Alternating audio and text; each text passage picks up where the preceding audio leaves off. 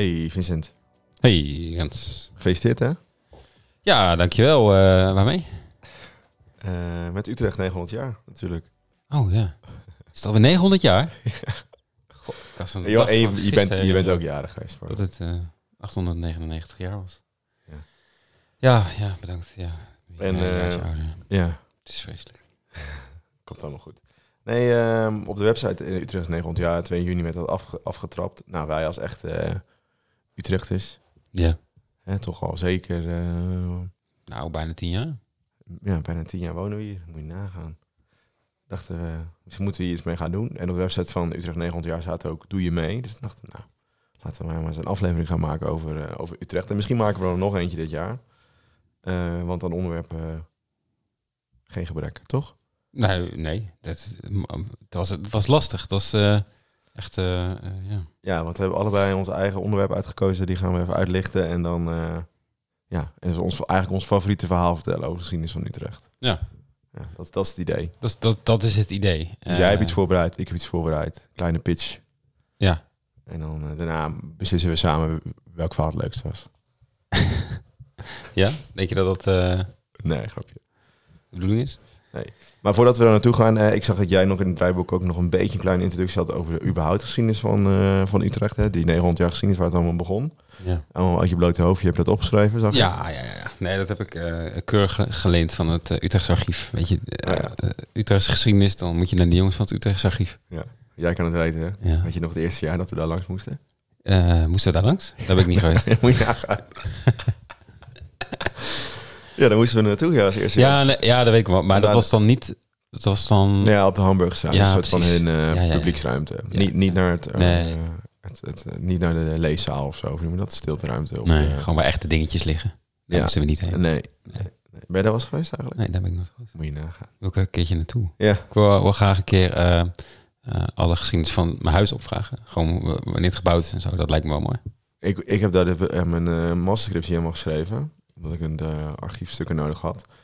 En de, eigenlijk de meeste mensen die daar komen, die, eh, die maken dus, laat maar zeggen, die willen gewoon, die vragen de, de oudste bouwtekening van een huis op. En dan aan de muur. En die downloaden ze en die doen ze een lijstje aan de muur, ja. Ja. Dat is echt iedereen die daar komt, is alleen maar dat aan doen. ja, vind ik best leuk. Maar daarom zou ik het nu al niet meer doen. Nee, dat dacht ik ook. Lijkt me ook best leuk, maar Ja, het is niet gewoon een gimmick. ja, ja inderdaad. Dus nu heb je gewoon de, de plattegrond van Utrecht, toch? Nee, ik heb gewoon een foto gemaakt van mijn huis van nu en dan die aan de muur gehangen. Effect eroverheen. Ja, een selfie. Oké, genoeg hierover. Ehm, heb je nog iets historisch meegemaakt? eh, naast dat je natuurlijk 27 bent geworden. Ja, nou eh, ja, de club van 27 inderdaad. eh, dus dat wordt, Ja, wordt, een lastig jaar. Nog een paar maanden deze podcast. Moet even oppassen. is het afgelopen. Hij is oppassen geblazen. Nee, ja, heb ik nog het historisch mee. We hadden het net even over. We hebben alle is historisch meegemaakt. En eh, ja, misschien dat jij ons daar even meer over, eh over kan je? vertellen. Ja, de boerenprotesten Oh, natuurlijk. Ja, ik hoef dus nooit meer te vertellen waar ik vandaan kom. Uit je hometown. Ja, in mijn hometown. Ja, dat is vorige week was dat woensdag. Ja, en het gaat nog, is nog steeds gaande. Ik eh, kreeg vanochtend ook alweer filmpjes doorgestuurd in verschillende appgroepen over ME'ers die in actie kwamen in Stroe. Ja. Toen ik volgens mij de beelden zag, was het niet officieel Stroe, maar was het meer Gardebroek. dus daar was ik wel blij mee. Voor de duidelijkheid. Eh, en ook wel andere beelden dat politieagenten busjes eh, bestormden en zo. Eh, nee, vorige week was er een heel eh vreedzame pro- protest. Ik was baalde dat ik niet bij was, maar ik moest werken in Deventer, dus ik heb het wel een beetje gezien vanuit de trein. Mhm. Het was één groot, eh, groot feest. Mijn vader was bijvoorbeeld vrij, want hij kon het dorp niet uit. Dus die is gewoon lekker gaan kijken. Ja. Ja, en die zei dat het best eh, bijzonder was. En eigenlijk het meest bijzondere vond ik dat de dag daarna... Het leek alsof er niks gebeurd was. Alles was opgeruimd. Ja, alles betaald eh, door de vee, eh, veevoerbedrijven. Ja, door, eh, alles vergoed. door, door, de van drie groepen en de heus. En, ja. ja, ik ben heel benieuwd hoe dat gaat aflopen. Ja, nou, ik, ik, ik vind het, ik vind het, allemaal, vind het lastig. Ik, vind Ja. het- ik weet niet hoe ik erin sta, moet ik eerlijk zeggen. Nee. Het staat ook best dichtbij of zo. Nog wel. Als in Ja, en- dat ik mensen persoonlijk ken die bijvoorbeeld boer zijn. Ja. Ja, en, en je weet niet heel goed hoe groot de groep is die echt die dingen doen die wel echt te ver gaan. Zoals nou, snel voor het huis van de minister, dat soort dingen. Ja. Snelwegen blokkeren. Ja. Nou ja, is een keer leuk, maar ja. houdt het ook op. Ja, ik Dat ben gewoon, eh, ja, wat er dan nu gaat gebeuren, want bijvoorbeeld, eh, eh, zoals mijn broertje woont nog echt in, eh in Stroe. Die zit echt dicht bij het vuur. Ja, Het, het- dat idee heb ik tenminste hoor. Maar die, eh, en dat lees je natuurlijk ook wel gewoon op NOS en zo, dat de volgende stap natuurlijk is gewoon een soort eh, algehele malaise door bijvoorbeeld eh, te gaan stoppen met eh, het vervoeren van producten waar de supermarkten leeg zijn en dat soort dingen. Ja. je, dat, en dan merk je natuurlijk echt als dat gaat gebeuren. Nou, ik ben heel geen melk meer. Nee, bijvoorbeeld geen melk, maar ook geen groentes en eh, Ja. die, dan, die uit Nederland komen. Dus ik ben heel benieuwd of dat, Ja, zo, precies. of dat zo ver gaat. Ja. Ja. Ik vind het ook, ik vind het ook een beetje meten met twee maten soms ook hoor. Dat je denkt van eh, eh, hoe je er ook over denkt. eh, maar mensen die op, voor, tegen corona protesteren op Museumplein, die worden echt gelijk in elkaar gejast, bij wijze van spreken. Extension Rebellion. Die of Extensive, die gewoon ergens zit, Ja. niks doet, weet ik veel. Die Ja. wordt ook meegetrokken. ja, en hier lijkt het allemaal Woon- een beetje... woonprotesten, ja, die trekken zijn groot, hè? Ja, maar dat, ik denk dat dat het echt is. Het is Ja. echt een soort risicoafweging van ja. Ik hoorde vanochtend die politiechef, volgens mij een Nederlandse politiechef op de radio. En die zei ook van ja, voordat je die trekkers weg hebt, dan moet je allemaal diepladers laten komen, vrachtwagens waar ze op kunnen. En dan voor het geregeld hebt, staan er weer twintig trekkers. En, Ja. ja. Het, ja, is geen houden aan. Ja, ja. Ja, ik ben gewoon heel benieuwd. Want het, maar goed, dat is natuurlijk al, want het is al een paar jaar. We hebben in 2019 ook een aflevering gemaakt over boerenprotesten. Want toen was het ook weer in, in het nieuws. Ik weet Ja. nog wel dat ik toen eh, moest naar notaris om een huis eh, te kopen. En toen moesten we helemaal omrijden, want alle snelwegen waren geblokkeerd door, eh, door boeren. Ja, Daar heb ik nu, nu bijvoorbeeld geen last van gehad. Maar toen was het dus ook al. En toen, toen hoor je ook al van, nou, dit is wel echt, eh, nu ben ik wel echt zat of zo als burger van Nederland. Ja. Maar ja, nu hoor je ook weer van, nee, ik snap het wel. En, dus ik ben heel benieuwd hoe lang het gaat duren. ja ik zag een peiling dat 90% nog achter, eh er Ja. nu nog achter stond. Ja. vind het veel. maar- Ja, en wat, wat ik gewoon ook denk, eh, is dat bijvoorbeeld de, de, de overheid, die, die pakt het gewoon helemaal niet goed aan qua communicatie. Nee. Het, want een soort van, als je volgens mij echt die plannen goed doorleest, waar, het dan nu heet, waar ze het nu over hebben, die, die gaan ge- gedeeltelijk over stikstof, maar gaan gewoon bijvoorbeeld ook over water en klimaat. Dus Dat, dat wordt sowieso helemaal vergeten. En er staat ook wel in van een soort van laatste stap is onteigening. Terwijl nu gaat het alleen maar daar, daarover, terwijl er nog heel veel stappen voor zijn. Ja, dat vind ik ook een lastig inderdaad. Van wat, wat, is, wat is in principe het probleem? Dat Ja. is mij ook nog geheel niet duidelijk. Ja, en ik dat- er is geroepen van halveren van de veestapel. Dat wordt er geroepen, maar dat is, ja, ja, is dat dan echt zo? Of ja, een soort laatste redmiddel misschien. Maar, Ja, volgens mij is dat het met name. En dat is natuurlijk, daar, nou, nou, nou, die, dat is de grootste, dat is de makkelijkste oplossing misschien, als in, of de snelste oplossing. Want eh, je ziet gewoon die, eh, goed, als je, als je dus die wetenschappelijke metingen vertrouwt, dan, eh, dan zie je dat het zoveel procent scheelt. Ja. 60 procent volgens mij. Als je de, is, komt van de uitstoot door, door, door de landbouw in Nederland. Hm. En dat heeft met, volgens mij met name te maken omdat het zo snel neerdaalt of zo, de, eh, stikstof en nou, bla bla bla, moeilijk verhaal. Eh, maar volgens mij zijn er nog allemaal stoppen de, stappen voor het onteigenen of halveren van de veestapel. Maar dat is bijvoorbeeld, ja, ik weet dat er een Stroevenboer zit, die heeft geen opvolger en die is hartstikke blij dat hij zijn grond verkocht heeft. ja, Weet je wel zo. De, en er zijn volgens mij best wel veel van die, nou niet heel veel, maar die moet je natuurlijk eerst langs. En dan gaat het misschien over, zijn er nog eh, boeren die nu intensieve veeteelt hebben, want dat is de grootste eh uitstoot, hè, uit, uitstoot. eh, grote varkensschuren, kalverschuren. ja. We kunnen die overstappen naar iets anders. Is ook heel moeilijk, want eh levert waarschijnlijk eerst ten eerste mi- minder rendement op voor zo'n boer. Dus wil, wil die dat dan? Maar ja, misschien Ja, zijn er wel eh, boeren die daar open voor staan. Ja, je weet het Ja. niet. ja, we zijn natuurlijk ook een beetje daarin gedrukt, soort van, om, om, om rendabel te blijven. En dat, dat is het interessante, want eigenlijk volgens mij, als je een beetje de geschiedenis induikt, en dan gaan we toch, we hebben toch weer over, over onze favoriete onderwerp, de Veluwe, is dat het natuurlijk, Vale Oude is hele arme grond. Je kunt daar niks verbouwen. Eigenlijk. Geen, er groeit misschien mais, en dat is het een beetje. Ehm, dus wat er na de Tweede Wereldoorlog gebeurde, was wederopbouw, was natuurlijk heel veel voedsel nodig. Eh, nou, denk aan huishoudschool, alles moest heel eh, snel, voedzaam zijn, zo snel mogelijk. Eh, Mhm. Zo min mogelijk kosten. Dus er kwam heel veel intensief veeteelt en daar was natuurlijk de Veluwe ideaal voor. Want daar, die boeren, of de, daar, daar kon geen, er groeide niks. er groeide niks. Dus dan kon je een mooie stal neerzetten in plaats van dat je het gebouwd, gebruikt als akkergrond. En daarom zie je best wel veel, hè, als je over de Veluwe rijdt, best wel veel grote kippenschuren, varkensschuren, kalverschuren met name. Vooral heel veel kalf- kalfschuren. Nou, toevallig is de ene kant van de familie was, van mij was kalverboer, de andere kant was eh, kippenboer slash kipslachterij. Dus, dat, ja, dus daar zie je al van, dat is, was gewoon de... Zo hebben die gasten allemaal heel veel geld verdiend. Ja. En eh, dat is de soort van de gouden eeuw van die boeren. Terwijl je dan misschien 1900 zou je meer, als je bijvoorbeeld meer naar Twente rijdt, heb je wel heel veel goede grond. Dan zie je juist die hele grote boerderijen met heel veel eh grond erachter, waar juist, hoe zeg je dat, heel veel landbouw was meer. Ja. Dus is dat dan, ja, dus daar is het eigenlijk misgegaan. En toen gewoon je natuurlijk, eh eh, afgelopen twintig jaar is het al, is het al lang bekend dat dit deze kant op zou gaan. Maar dat is nooit ingrepen door Henk Bleker bijvoorbeeld.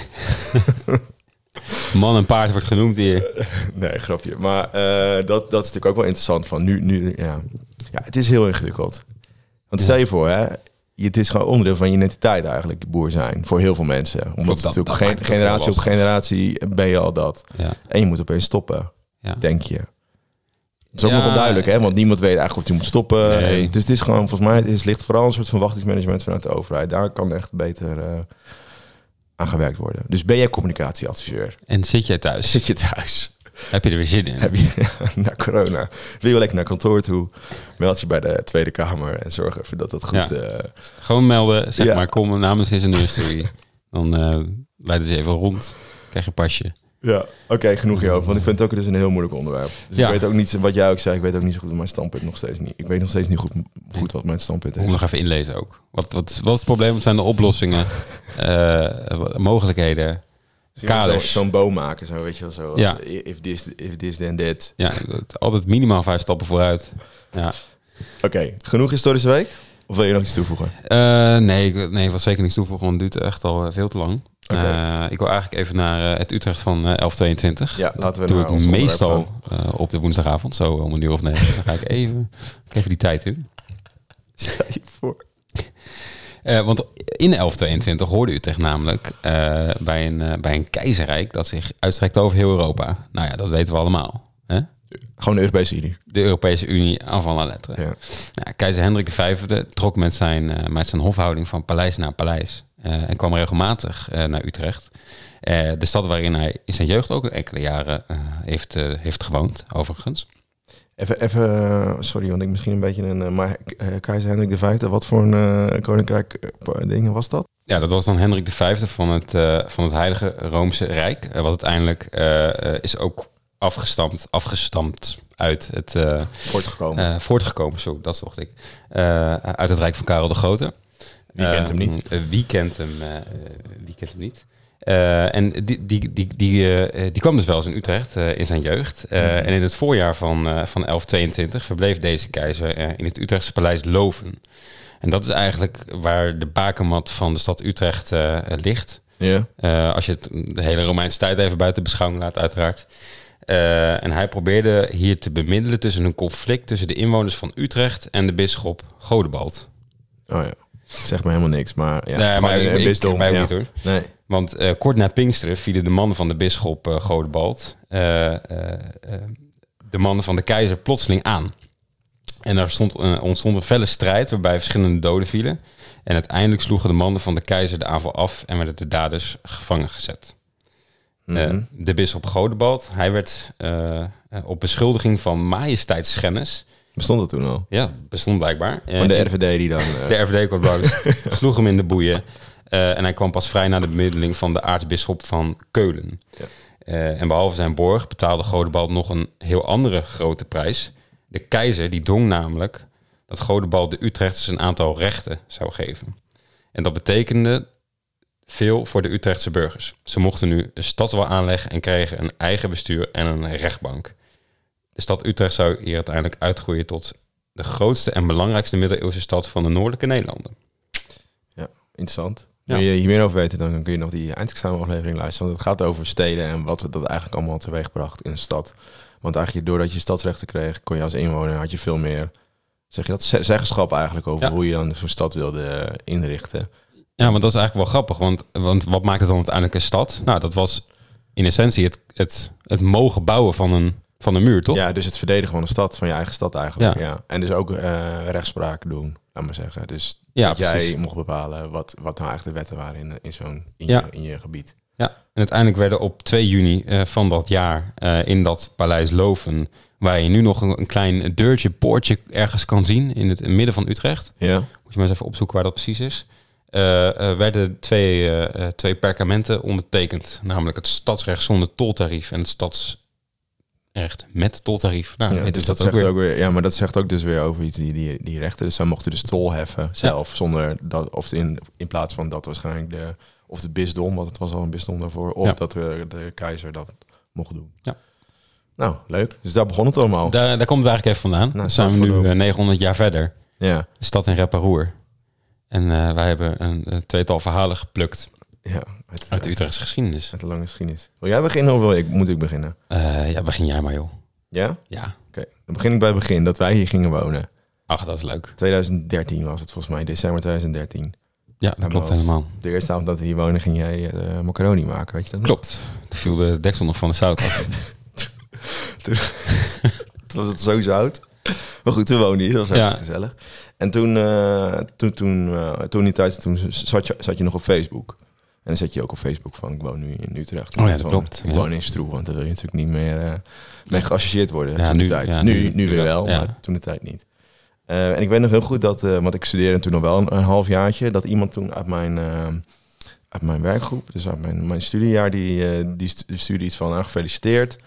En, ehm, maar je moet jezelf dus nu wel Utrechter noemen en geen Utrechtenaar. Zoiets zette hij Ja. als reactie erbij. Ik weet het nog heel goed. Geen idee wat het betekende. En toen ging ik daar toch maar eens induiken.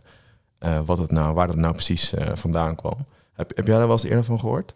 nou, eh, wel dat, dat, dat je spreekt van Utrechters. En niet van Utrechtenaren. In het, in het, gewoon in het algemeen, eigenlijk. Ja. Maar niet dat daar een verhaal aan vasthangt, nee. Nee.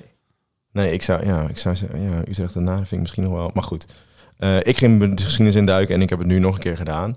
Eh, want er zit eigenlijk best wel een hele interessante, maar vooral best wel lugubere eh, geschiedenis achter.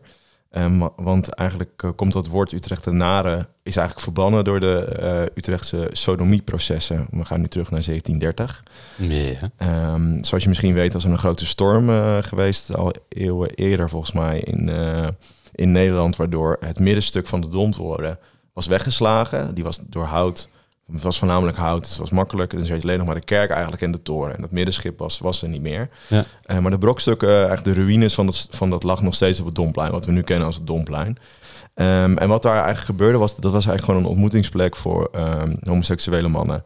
Eh, die, ging, die ontmoetten daar, hadden daar waarschijnlijk seks met elkaar. En je leest bijvoorbeeld ook dat eh, ambtenaren of diplomaten uit andere landen daar echt, echt naartoe gingen voor hun, voor hun pleziertje. Ehm, en eigenlijk ehm, zie je dat eh, in 1730 dat een beetje eh, nou, eh, ten einde komt of ontspoort. Want verschillende klachten van de torenwachter die dan waarschijnlijk daar ergens zat, die dan dat elke keer zag gebeuren, dat er weer twee mannetjes of misschien wel meerdere mannen. Want daar, daar lagen dan nog reststukken. Resten waar je dan achter een beetje stiekem dingen kon doen. Want ik heb even snel gekeken, 1674 is het gebeurd. Ja, dus, Dus dat is helemaal niet zo heel lang daarvoor. Nee, dus maar wel 90 jaar later, dus vind ik best lang met opruimen. Maar goed. Ja, ja. Maar goed, blijkbaar dus die, die resten lagen er nog, dat lees je overal. En eh, Joshua Wilds, de torenwachter, die werd er eigenlijk een beetje gek van. En die heeft toen aan de bel getrokken. Ehm, en hij is eh, eigenlijk eh, heeft gezegd van, nou, ik zie dat steeds gebeuren. Er lopen hier mannen, er gebeuren enge dingen. En je moet goed weten, in de tijd 1630, homoseksualiteit was verboden. Ehm, mocht je dus echt niet beoefenen, je mocht niet uit de kast komen en nou, dat soort dingen. Mhm. Eh, en een van de mannen eigenlijk die werd, werd, werd betrapt was Zacharia, Zacharias eh, Wilsma. Hij werd gearresteerd, en maar werd vooral voornamelijk verhoord. En uit die bekentenissen ontstond eigenlijk een hele... eh, kwam eigenlijk een heel netwerk van, eh, van homoseksuele mannen naar boven in de, in de Republiek Nederland. We, zijn, we zitten dan in de Republiek. En eigenlijk vol, eh, volgde er een, een, een golf van eh, vervolgingen en arrestaties. Eh, en uiteindelijk werden in Utrecht in 1731 18 eh, mannen ter dood veroordeeld en gewurgd. Die dus eh, nou, eigenlijk erbij gelapt waren door, door, die, door die. Waar hij waarschijnlijk ook niks aan kon doen, want hij werd ook gemarteld.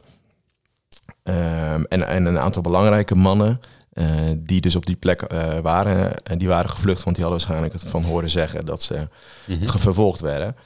En dus ontstond gewoon dus door hem een soort hele heksjacht door heel Nederland. En uiteindelijk werden er verschillende mannen ehm, opgepakt. En toen werd het een soort van, hoe zeg je dat? werd een soort scheldwoord voor dus die mannen die in Utrecht daar ehm, bij die brokstuk, bij die ruïnes, eh, andere mannen ontmoetten. Die werden dan, dat was dan, dan, dan deed je een Utrechtenaar of een Utrechtenaartje. Het was een soort, werd een soort werkwoordverbastering Mm. op die manier. En eigenlijk is dat een van de redenen ehm, dat, eh, dat dat Utrecht, Utrechtenaar zou heten. Maar het verhaal, of tenminste als je een beetje dieper in het verhaal gaat... en dat is, kan je eigenlijk heel makkelijk doen. Je zoekt het gewoon een beetje op van hoe, hoe zit dat nou eh, echt bijvoorbeeld met dat woord. Mhm. Ga je nu naar Delver toe, zoek je Utrechtenaar op... Vind je eigenlijk tot aan wat je kan, waar je kan zoeken, tot terug in de tijd. Dus volgens mij 2006 of zo Mhm. vind je gewoon Utrechtenaar voorbij komen. Vooral in de jaren 90 nog heel veel. Dan heb je bijvoorbeeld een sportverslag van eh, FC Utrecht tegen die. Ja. En daar zaten gewoon de Utrechtenaar, hup, hup, hup, scoorde in de zo- zoveelste minuut dat doelpunt. Dus is, is dat woord nou wel echt verbannen? Ja. En ehm, dat, dat vind ik interessant. En daar lees je verschillende eh, dingen over. En ten eerste was er een artikel in 2017 in de Vrij Nederland door een, ehm, eh, een jo- journalist, eh, Lisa, ik hoop dat ik haar naam goed uitspreek, Bouilleur. En iets Frans, denk ik. Maar die, zei, eh, die schreef op 6 december van dat jaar dat eh, in de jaren 30 van de vorige eeuw, dus dan hebben we het over 1930, de hoofdredacteur van het Utrechtse Nieuwsblad, Gerrit-Jan van de Heuven Goedhart, zich eigenlijk erger, erger aan deze dubbele betekenis van de Utrechtenaar. Dus dat het ook homoseksueel betekent. Dus stond ze op een gegeven moment zelfs in de jaren 70 in het, eh, de, de, de dikke vandalen. Oké. Dus, dat het gewoon, dus dat was gewoon een betekenis. Dat hij zei van dat hij eigenlijk al zijn redacteuren opdroeg om het woord niet meer te gebruiken en definitief te kiezen voor Utrechter. Om die dubbele betekenis eigenlijk te, te, te vermijden.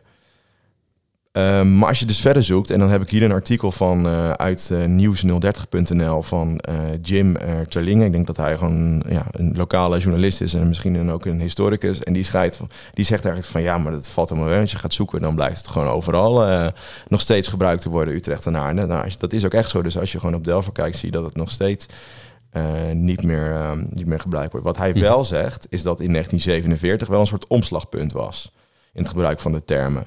Want in de jaren daarna zie je eigenlijk dat het, dat het steeds minder gebruikt wordt, Utrechtenaar, en steeds Utrechter steeds meer omhoog komt. Eh, en als dat, dan, als dat dan door een hoofdredactie zou moeten bijvoorbeeld bepaald moet worden, als het hier hebt over het Utrechtse archief, dan zegt hij nee, het was niet van de Heuvel Goedhart, waar ik net over had, maar het was een andere man. Eh, een of andere Koeman heette hij. Mhm. Nou, niet, niet heel belangrijk. Maar het interessante is dus dat je dus eigenlijk leest van eh, bijvoorbeeld op allerlei lokalen in de buurt.nl, RTV eh, Utrecht, lees je eigenlijk dat verhaal over waarom we Utrechter gebruiken in plaats van Utrechtenaar. En dat het al sinds 1731 moet zijn, dat het eigenlijk een scheldwoord is, dat het een dubbele betekenis heeft door dus die mannen die bij de ruïne samenkwamen. Ja, want blijkbaar was dat dus wel soort van algemeen bekend. Ja, ja zeker. dat dat, ja. dat dat eh, in ieder geval ook een betekenis was voor Utrechtenaar. Ja, ja. En, maar of het nou, weet je, of het nou echt een soort van, eh, hoe zeg dat, het verbannen is, dat woord überhaupt, dat is volgens mij helemaal geen sprake van. Want je ziet er eigenlijk tot aan de jaren 90 best wel veel gebruikt worden. En eigenlijk zie je ook dus de laatste jaren, bijvoorbeeld in 2020 was er een initiatief van eh 13030, dat is een, een, eh, die een campagne starten om juist het woord Utrechtenaar te gaan gebruiken. Ehm, omdat het, eh, hij zegt, zij zeggen, nou, het is van- nou, met name scheldwoord voor homoseksuelen, daar willen we vanaf. We moeten het juist gebruiken om het ook weer een beetje uit die eh, negatieve sfeer eh, te halen. Ja. En daar hebben ze, zij een hele campagne mee gestart. En hier bijvoorbeeld ook, zij zeggen bijvoorbeeld, nou, kijk, als je dus naar de dikke vandalen krijgt uit 1984, dan staat er bij het woord Utrechtenaar eh, man. En dan de, de eerste betekenis inwoner van Utrecht, tweede betekenis homoseksueel. Hm. Ja, dus dat is eigenlijk een beetje mijn, eh, mijn verhaal. En ik ga dit nu van, eh, eh, vanaf nu het woord Utrechtenaar voeren. Oké. Dat is mijn betoog. En Ja. hiermee, hiermee moet je het doen. Ja, want ze nemen, ze, het is ook een soort geuzennaam dan ja, ik, ja, dat, ja, dat is me niet helemaal duidelijk. Ik weet niet zo goed of voor de LHBTQ plus community. Nou, dat kan ik niet zo heel goed inschatten, want ik zie daar niet heel veel ehm, eh, over voorbij komen. Maar ik kan me wel voor, ja, misschien, is, misschien zou je het wel als een soort geuzennaam kunnen gebruiken. Maar ik denk dat het een beetje uit die sfeer gehaald moet worden, juist. ja, Dat je zie, gewoon allebei kan zie gebruiken. je wel een leuke poster hier. Ja. Van diezelfde organisatie. eh, die Utrechtenaar 1730, 2020, ja. Ja. En misschien als laatste is dat bijvoorbeeld als je nu naar Domplein gaat, de- daar ligt wel bijvoorbeeld een, ehm, nu een, een monument voor die sodemietenvervolging. Ah, in 1730. En die is door in 1999 door de gemeente geplaatst. Ze hebben excuses aangeboden. Ze hebben zich gedistanceerd van de gemeente in eh, 1730. En eh, ja, daar staat nu een, ligt eigenlijk een tegeltableau, 18e eeuw, sodomie. Berend Blomstaat, dat was een van de mannen die gedood werd. En 17 andere mannen werden in ehm, Utrecht veroordeeld en gewurgd. Hun daden verzwegen. Dat staat erop. Dus dat als je nu op het Domplein loopt, dan zie je dat. En dan weet je dat het dus... Wat is er met Zacharias gebeurd? Goeie vraag. Zal ik daar zo klikken op zijn naam? Want die staat dus niet op die steen. Nee, Ja, die Nee. heeft het allemaal bijgelapt. Ja. Ja. Als ik nu naar zijn, ehm, eh, zijn Wikipedia-pagina ga, mag ik nu live, Ja. live iets voor... eh, want Ja. dit, heb, ik- dit heb ik niet voorbereid. Nee, dat, dat begrijpt iedereen. Oké. Ja? Hij is geboren in 1707. Hij is eh, onbekend wanneer hij is overleden. Hij komt uit Friesland. Hij is een bekend lid van de Utrechtse homoscene rond het jaar 1730. Nee, het is, het is onbekend wat er nou met hem gebeurd is. Misschien heeft hij een soort gratie gekregen of zo. Ja, maar het is echt een groot proces. Hè, want 289 mannen in heel Nederland werden uiteindelijk vervolgd. Ja, Door, dat is door, door zijn, eh, doordat hij zijn, dat netwerk openbaarde. Het is echt... eh, Maar er kwamen dus ook hoge, hoge pieven. Ja, maar die gingen dus vluchten. Want die wisten eh, van, die hadden Ja. van horen zeggen dat ze, eh, dat ze misschien wel vervolgd zouden worden. Ja. ja. En uiteindelijk lees je dan eh, dus in Utrecht 18, maar bijvoorbeeld in Den Haag zijn ook 14 mannen vermoord en in Zuidhoorn 24. En de overige 14 slachtoffers... Oh, ja, z- z- 70 werden te, te dood veroordeeld. Ja. Nou, dat eh, nog als laatste feitjes die ik nog even eh, nu lees op de Wikipedia-pagina van... eh, Zuidhoorn, zei je? Ja. Huh? Grappig. Ja, blijkbaar was daar ook een hele intensieve... Nou, tijd voor was jou. een heel klein dorpje in Noord-Groningen. Ja. Ja, maar je weet maar nooit. nee, we hebben nooit. Zullen we, Gaan laten we naar de quiz. Ja, laten we naar de quiz inderdaad. Voordat we verder gaan met jouw vreselijke verhaal over... Ja, dat. Dat, dat zou nu niet meer kunnen hoor, met die stikstofproblematiek. nee, meer. Even kijken, heb jij de administratie eh, eh, voor je? Ja, ik heb hem voor me, ja. Ik had vorige keer... Volgens mij stond ik voor, toch? Iets met Nee, jij staat echt dik achter. Ah, oké. Hier staat, eh, het staat eh 6-4. Ach. Ja. Hm. Ik, eh, je had die vraag gesteld aan mij over welke eh, Nederlands politicus Anton getrouwd Mussen- was met zijn eh, tante, ja, Anton Messenger. En ik stelde jou een vraag over wie eigenlijk eh, de beroemde woorden zei, the game must go on.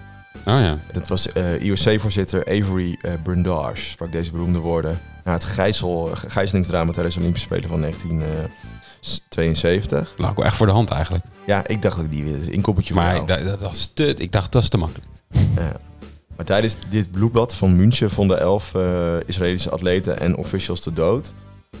eh, na een gijzelingsactie door de beweging eh, Zwarte September. Ja, kunnen we ook wel een keer leuk over, Ja. over maken. ja, ik was daar al een beetje vergeten dat dat gebeurde. Maar hij deed daarna een uitspraak en zei: The game is go on. Dus de Spelen gingen gewoon door. Ja, die heb ik, ja inderdaad. Die heb ik nog wel eens gezien. Dus dat betekent dat het eh, 6-4 staat. Eigenlijk 6 en dan ook een puntje, een puntje erbij voor alle luisteraars. Want ieder- bijna iedereen had het goed. Sorry. Dat is echt. eh, ja, nee, ja, ja, het is eh, heel logisch ook, ja. Ehm, zal ik dan, eh, wat is dan, wat wil jij, wil je in achtervolging gaan? Of, ja, ik, ik ga graag in de achtervolging. Ja, dus dan ben je uit de wind, hè. Ja. Dan zit je zak in de ch- chaspatat. Ja. Zeg maar stop. Stop. Oké, een vraag. Oh, die hebben we een keer gehad. Sorry. Doe ik eentje ervoor, goed? Ja, joh. Combineer de volgende uitspraken met... eh, nee, dat zijn, dat zijn moet je vier dingen met elkaar combineren. Dat is misschien een beetje onhandig voor nu eh, in de quiz. Dat is lastig. Moet je lijntjes trekken en zo. Oké, dan gaan we naar eh, vraag 63. Uit welk jaar dat dateert het pact van Dokkum? Is dat A. 754, B. 1498, C. 1673 of D. 1940? Ik denk dat je een beetje out of the box moet denken. En een beetje out of the box. ja. Ja, zou je haast gaan voor 1940. Denk ik dan. Maar eh, ja, ik ga denk ik voor, eh, voor 1940 ga ik. ja, is goed. Waar, waar heeft het denk ik mee te maken? Pak van Dokkum, 1940. Eh, dat, dat, dat, dat moet iets te maken hebben met samenwerking tussen de bezetter en het plaatselijke bestuur of zo. Nee. Ja, Jammer. Het gaat over de Barde Elfstedentocht van 1940. Dat was een, Ach, eh, een, een pak tussen tuurlijk. de vijf schaatsers Auke Adema, Dirk van der Duim, Cor Jongert, Sjouk Westra en eh, Piet Keizer. En zij maakten eigenlijk tijdens deze zeer koude en barre eh Elfstedentocht dit, eh, dit pact. Ze vormden vanaf Stavoren al een, al een koproep van vijf. En toen ze, toen ze te maken kregen met een zeer snappende noordoostenwind, besloten ze in het Dokkumscafé samen over de finish te gaan. Hm? Dus met z'n vijven zijn ze toen gefinished. Nou, mooi toch? Dat vind ik, vind ik hartstikke mooi. Ja. Ja, 754, wat een, wat een, wat een, wat een instinkers. Ja, dan zou je iets denken met... Eh, Bonifatie, ja, vermoord bij Dokkum, ja. 754. Ja. Ja. Nou, puntje voor jou. Nou, 6-5. Eh, ik doe even meteen de administratie bijwerken. Ja, dat is heel goed. Eh, ja, zeg maar. Ik zeg stop. Stop. Even kijken hoor. Eh, vraag 50. Ja. Eh, na de pioniersperiode van de luchtvaart werden al snel commerciële luchtvaartmaatschappijen opgericht. Ja. Eh, welke luchtvaartmaatschappij ging als eerste ter wereld op geregelde basis vluchten uitvoeren? Was dat Pan Am, Pan Am, Mhm. Amerika, Air France, Swiss Air of de Koninklijke Luchtvaartmaatschappij? Ik denk de KLM. Ja, dat is helemaal goed. Nou, Ja. puntje voor mij ook. Puntje voor jou, ja. Albert ja, Plesman, dat, wist ik van die serie die laatst op tv was. Nou, ik wist ik het. Zullen we nog even een vraag stellen aan de. Ja. ja, dat zou ik eens doen. aan de luisteraars? Ja, Vincent zit er druk aan het, eh, aan het nadenken. Even kijken. Ik heb hier een leuke. Oké. Wat was het eerste levende wezen van formaat in de ruimte? Het eerste, de le- het eerste het levende een- wezen van formaat in de ruimte. Mijn keuze? Het is meer keus. Was dat het hondje Laika? Was dat de cosmonaut Yuri Gagarin? Was dat de astronaut John Glenn? Of de chimpansee Bubbles? Weet jij het? Eh, ja, ik weet het al. Dat je het gelezen hebt. Nee, ik wist het al. Nou, ik ben benieuwd. Dan ga ik deze vraag stellen op eh, social media. Ik ben benieuwd of mensen het weten. Misschien ook wel een leuk verhaal van nog een keer een dierenaflevering. Ja, Of heb ik nu, weer tijd. ja, of heb ik nu, Om de eh, drie doen we een dierenaflevering. heb ik nu al een gedeelte van het antwoord eh, verklapt? Misschien, misschien niet. Nee, misschien niet. Ja, dat is leuk. Oké, laten we doorgaan met, jou, eh, met jouw verhaal. Want jij hebt echt een vreselijk verhaal over eigenlijk, eh, wat eigenlijk het einde van Utrecht zou kunnen betekenen. Ja, nog veel erger dan Ja. eh, de sodomiet. nee, helemaal niet.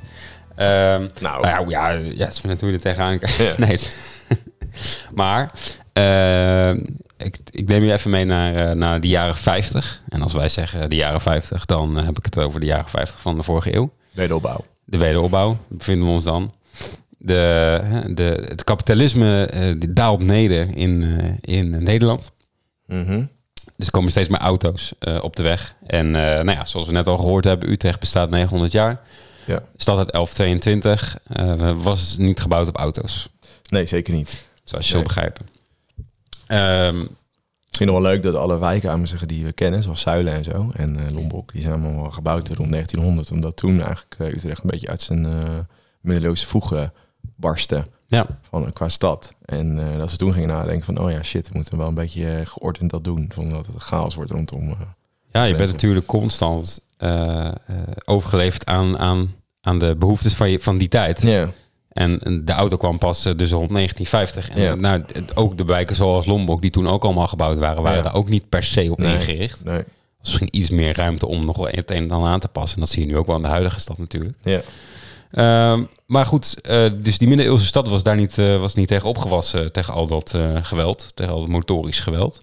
Eh, en daarom stelde de, gemeente, de Utrechtse gemeente, stelde de Duitse verkeersdeskundige Veugtlinger, Veugtinger aan Mhm. om de verkeerssituatie van, eh, van de stad te verbeteren. Er zijn ook leuke foto's dat, eh, dat hij echt aankomt met de trein in, eh, op Utrecht Centraal. Van, dat, Echt? dat is de man die, eh, die gaat onze stad eh, eh, klaarmaken voor, voor, de, Voor de toekomst. voor de nieuwe tijd. eh, eigenlijk. En, en, en hij had eigenlijk de oplossing eh, voor, eh, voor de verkeersproblematiek in Utrecht. Plat bewanderen. Als een goede Duitser betaamt. Nou, later bleek dus dat hij dus een nazi was geweest. Oh, echt? Ja. Zag ik eh, in een paar bronnen eh, voorbij komen. Oh ja. Ja.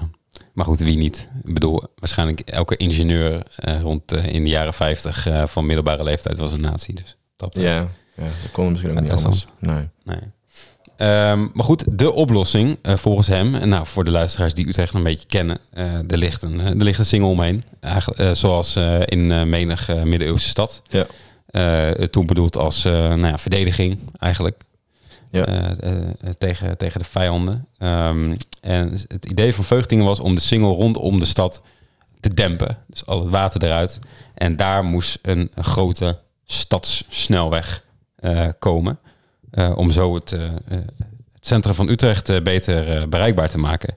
En op sommige plaatsen, dus op die stadsringweg eigenlijk, Mhm. eh, zouden er zelfs vier rijbanen per, per richting komen. Hè? Dus dat is echt, eh, nou ja, wat, eh, waar kun je dat mee vergelijken? A12, ja, A2. A2 is ja, op sommige plekken nog iets breder, maar Ja. het, echt, dat is echt wel flink breed. Ja. Eh, als je nagaat, de weg die nu rondom de single ligt, is, eh, is gewoon Eén. één per richting. Ja, heb je, heb je maar één trekker nodig en dan zou je vier trekkers nodig hebben om Precies, ja, in, in de huidige tijd moeten we rekenen in trekkers. Ehm, maar de, de, de gemeenteraad die, eh, die zag dat wel zitten. En eh, ik dacht over na, op zich is het natuurlijk ook niet gek. Die, die gracht, op dat moment, die single, is, ja, had geen functie meer, wat Nee. dat betreft. Nee. Toen die gebouwd was, was de functie tegen verdediging. Nou, nu kon hij mooi eh, de functie van de huidige tijd gaan bekleden. Maar goed, Ja. de gemeente ging, eh, ging akkoord met het, eh, met het plan van Veugdingen. Maar zoals je waarschijnlijk ook kan voorstellen, en zo reageren wij er nu ook op, ging dat niet zonder slag of stoot. Het, kwam, het kwam hard aan bij, de, bij de Utrechtse bevolking. Eh, want er was, veel, er was veel tegenstand. Hè. De, de staatssecretaris van Onderwijs, eh, dus uit Den Haag eh, op dat moment, Onderwijs, Kunst en Wetenschap, liet meteen weten dat de bolwerken en de wallen monumenten zijn en niet gedempt mochten worden. Mhm. nou, eigenlijk redelijk duidelijk. Hè? En het protest werd ook breed gedragen door de leden van Oud-Utrecht, een historisch genootschap. Ja. De burgers, studenten, linkse activisten. Dat was een felle strijd. Ehm, ook de baas van, eh van Hoog Katerijnen, wat ook op datzelfde moment daar rond die single werd gebouwd, er werd een hoop verweten, omdat hij daar ook een, eh, een vinger in de pap eh, zou hebben. En er werd zelfs gesproken van monumentmaniakken door de burgemeester van Utrecht tegenover die tegenstanders. Maar waarom heeft de gemeenteraad dan geaccepteerd? Ja, zij waren gewoon helemaal Verdeeld. En, ge- gefocust op, Ja. op, op, op de nieuwe tijd, snelweg. ja. Eh, de, Utrecht moet klaar, eh, klaargemaakt worden. En zij zagen het niet zo zitten met, eh, met al die monumenten. Nee, eh, jij zei, ik kan me dat ook wel voorstellen inderdaad. Als je zegt, heeft, en die gat heeft geen functie meer. Je bent een soort van middelpunt van Nederland. Dus je, er komt heel veel verkeer waarschijnlijk. Je ziet, je, je, je ziet dan nog helemaal van oude auto's zijn de toekomst. Ja, ik denk dat je nog niet de problemen van een auto. dat ze misschien redelijk klem zaten ook wat dat betreft. En dat Ja. je dan zo'n single denk je, ja. Ja. Je ziet het ook wel in, meer- maar- in meer steden. Hè? Bijvoorbeeld eh, dat dan gewoon zo'n groot historisch plein heel lang gewoon een parkeerplek was voor auto's. Bijvoorbeeld in Deventer de, de grote kerkhof waar gewoon heel lang auto's stonden geparkeerd. Of de Berink waar dan auto's stonden geparkeerd. Ja, tot aan de jaren tachtig. Ja, kun je nu niet Nu niet voorstellen. voorstellen, nee. Nee. nee. Nee, en er werden zelfs eh, eh, poppen van, van die veugdingen werden verbrand. Oh ja, het is Eh, uh, zover. Ja. Ja, dat was echt. eh, nee, het ging, hard, eh, het ging hard aan toe. Uiteindelijk was de motie van de, eh, van de gemeenteraad, die het gemeentebestuur eh ertoe dwong om eh, nog twee deskundigen, eh, twee eh, stedenbouwkundigen. Want eh, eh, eh, Veugdingen was gewoon een, eh, gewoon een ingenieur, een wegenbouwer eigenlijk. Om stedenbouwkundigen hier nog na laten kijken. Eh, de stedenbouwkundige Kuiper werd hiervoor aangesteld. Eh, en de onderhandelingen en de protesten die bleven uiteindelijk eh, doorgaan. Eh, en het was, op een gegeven moment was het ook niet helemaal meer duidelijk of wat er met de single zou gaan gebeuren. En ondertussen ging alles gewoon verder rondomheen.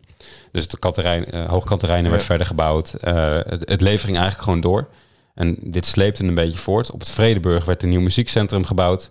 wat later weer werd vervangen door, door het huidige Tivoli Vredeburg Mhm. diezelfde plek. Eh, en eigenlijk langzaam maar zeker raakte het plan om de single te dempen weer een beetje in de vergetelheid. In ieder geval in het plan zoals Veugting het bedacht had, namelijk een hele ringweg, heel groot eh, rondom de stad heen. Eh, uiteindelijk, wat uiteindelijk de uitkomst hiervan was, was dat in 1968 alleen de Weert-single en de noordelijke Katerijnen-single eh, werden gedempt. En dat werd dan ook de op één na kortste snelweg van Nederland met 1,8 kilometer lang. En dat heette toen de Katerijnenbaan. Ja. En dat is eigenlijk, eh, als je van het station naar de stad loopt, eh, aan je linkerhand, eh, kon je toen wat soort tunnel onder de weg eigenlijk. Kun je wel foto's opzoeken, Katerijnenbaan. Ehm, en eigenlijk sinds dit jaar is de single weer eh Ja, eer hersteld. In, eh, vorig jaar. Ja, september 2020 werd de single Ja. weer helemaal heropend. Dus nu loopt het weer onder Katerijnen eh, door. Kan je ook met je pootjes zo er onderdoor. Ja. Onder Hoog Katerijnen. Dus wat dat heeft, ja, dat heeft dus bijna 40 jaar, meer dan 40 jaar geduurd. Ja, dat was dus eerst een soort eh, mini, eh, mini-snelweg. Ehm, Maar dat hebben wij denk ik nooit meegemaakt, die mini-snelweg. eh, jawel, jawel. Ja? Ja, dat, dat je daar onderdoor kon rijden, dat is nu allemaal niet meer. Dat was vroeger wel zo. Je hebt volgens mij op Duik, dacht ik, Utrechtse Ja. Internet heb je een le- leuke foto's met dat je heen en weer kan schuiven met toen en nu. Dat, eh, Oh. dat, dat herken ik nog wel. Dat is dan echt dat stukje waar nu het water loopt, daar liep dan de weg. Ja. Oh, ja, zo. Ja. En nu, nu zit daarnaast eigenlijk de weg. Ja. Maar dat is dan inderdaad gewoon een smalle... ja, dat is gewoon minder breed geworden en niet meer in een, in een soort bak. Eigenlijk, Het was een soort bak, die tunnel, en dat was gewoon die gracht eigenlijk. Ja. ja. Ehm, Oh ja, ja, dat weet ik nog wel inderdaad, nu je het zo zegt. Maar als dat, dat, en dit plan was eigenlijk nog niet genoeg voor Veugdingen. En daar wordt het eigenlijk pas vreselijk. Want nou ja, die ringweg, oké, dat kan. Eh, maar eigenlijk die ringweg die moest zorgen dat je rondom de stad kon rijden. Daar zijn ze overigens nu in Utrecht ook wel weer mee bezig. Om, Ja, zoals een stadsboulevard, heel veel autoluw, eh alles Ja. één richting. ja, Dus dat je rondom de stad en je gaat pas erin op het moment dat je er heel dichtbij bent, eigenlijk. Eh, maar daarvoor moest het echt het, de stadskern van Utrecht, dus waar de Dom staat, eh, moest ook aangepast worden. Ja. Eh, en het idee was om eh, nou ja, eigenlijk recht langs de Dom heen een, een weg te maken van 12 meter breed. ja, dat, dat kun je natuurlijk niet meer voor. En daar was de... eh, Een soort Malibaan. ja, een- ja, soort Malibaan. Die is denk ik ongeveer... eh, ja. ja. die is misschien iets breder nog. Ja. ja Maar, en, dan, eh, en dan nog ook met bomen. En dan nog met bomen. Ja, en eh, eh, uiteindelijk is dat, eh, Gelukkig niet doorgegaan. is, dat gelukkig, eh, is dat gelukkig niet doorgegaan. Nee. Stel je dat, eh, voor, was het toch wel bijna, bijna van gekomen. Want ja, de gemeenteraad was eh, ook al akkoord met dat, eh, met dat plan. Maar dan zou dus die, die, dan zou over Domplein gewoon een, een weg lopen van 12 meter breed. Ja, er zijn, er zijn zelfs huizen gesloopt aan het Domplein. Al. Oh, echt? Ja. En nu is het een heel mooi plein geworden. Maar er de heeft ook heel lang nog een bus gereden. Die ging zelfs onder de Domtoren door. Ja, klopt. Bus eh 11 of zo was dat. Dat Ja. was toen wij net gingen studeren, was dat nog. Ja. Die, die ging reed precies zo onder de Domtoren door. En dan reed hij zo ver. Kan je je nu ook niet meer voorstellen, want er lopen nu zoveel mensen altijd. Ja. Nee, volgens mij nu... eh, ja, je hebt, ja, je hebt de Kromme Nieuwgracht. ja. Die, die uitkomt op het Domplein vanaf, Ja. vanaf het ledig erf. Ja, ongeveer, vanaf Ja. die kant. ja. En daar zou je eigenlijk gewoon rechtdoor moeten. En als je nu rechtdoor gaat, dan ga je eigenlijk dwars door de VVV heen. Oh ja. ja dat was dan de plan. En nu moet je daar eigenlijk een beetje zo omheen slingeren. Ja. Eh, en de plan was om dat dan eh, door te trekken. En overal een soort van eenrichtingsverkeer te maken. Beetje à la eh, New York, bij wijze van spreken. Ja. Nou, en blij dat het niet gebeurd is. Blij dat het niet gebeurd is. Maar het is wel een saillant detail in, in de geschiedenis van Utrecht. Wat zomaar de andere kant op had kunnen vallen. Ja, stel je voor, hè. Ja. Ja, Omdat je McDrive in de dom gehad waarschijnlijk. Dat is zo mooi zeg. kan ik niet met pen betalen? Nou, dat was het. Laten we eh, een lekker taartje gaan eten op Utrecht. Ja, hadden we maar een taartje. Ja, jammer. Een, een domtorentje. Oh, die zijn zo lekker. Moet je zeker halen hoor. Ja, tipje. Ehm, nou, wil je een keer met bij ons domtorentje komen eten? Heb je nog een leuk onderwerp om te bespreken? Meld je even aan. Want we hebben eh, volgens mij nu niemand meer echt op de, op de rol staan. Maar nog wat dingetjes achter de hand. Maar inderdaad, heb je een leuk verhaal? eh, heb je een leuke vakantieverhaal of zo? of ga je ergens op vakantie en heb je een leuke geschiedenis opgezocht? En wil je dat vertellen? Heb je een leuk stripje geschreven? Eh, nou, laat het even weten. Dan eh, Ja. ben je altijd welkom. Dan gaan we lekker met je in gesprek. Ja, we- ja, we vinden eigenlijk alles leuk. Er Ja. weinig wat we niet leuk vinden. Dieren vinden we heel leuk. Fascisme vind ik iets minder leuk.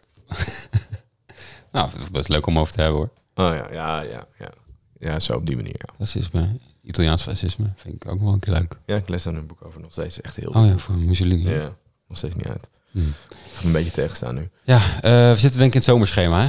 Ja, want ja, ik ben nu twee weken op vakantie.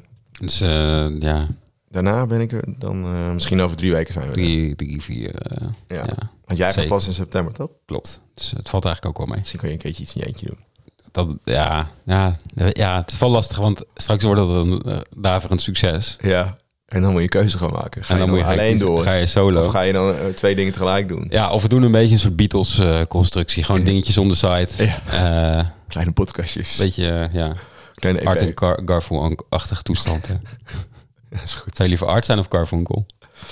Eh Carfunkel, maar dat is alleen maar om de naam. Ja? Ja. Hm. Jij? Art, Art en Garfunkel zijn hetzelfde. Oh, echt? oh, het is. Laat maar. Het is tijd om, om af te sluiten. Ja, ik zou wel liever Garfunkel zijn. ja. Klinkt wel goed. Nick of, of Simon? Eh, N- Nick Simon.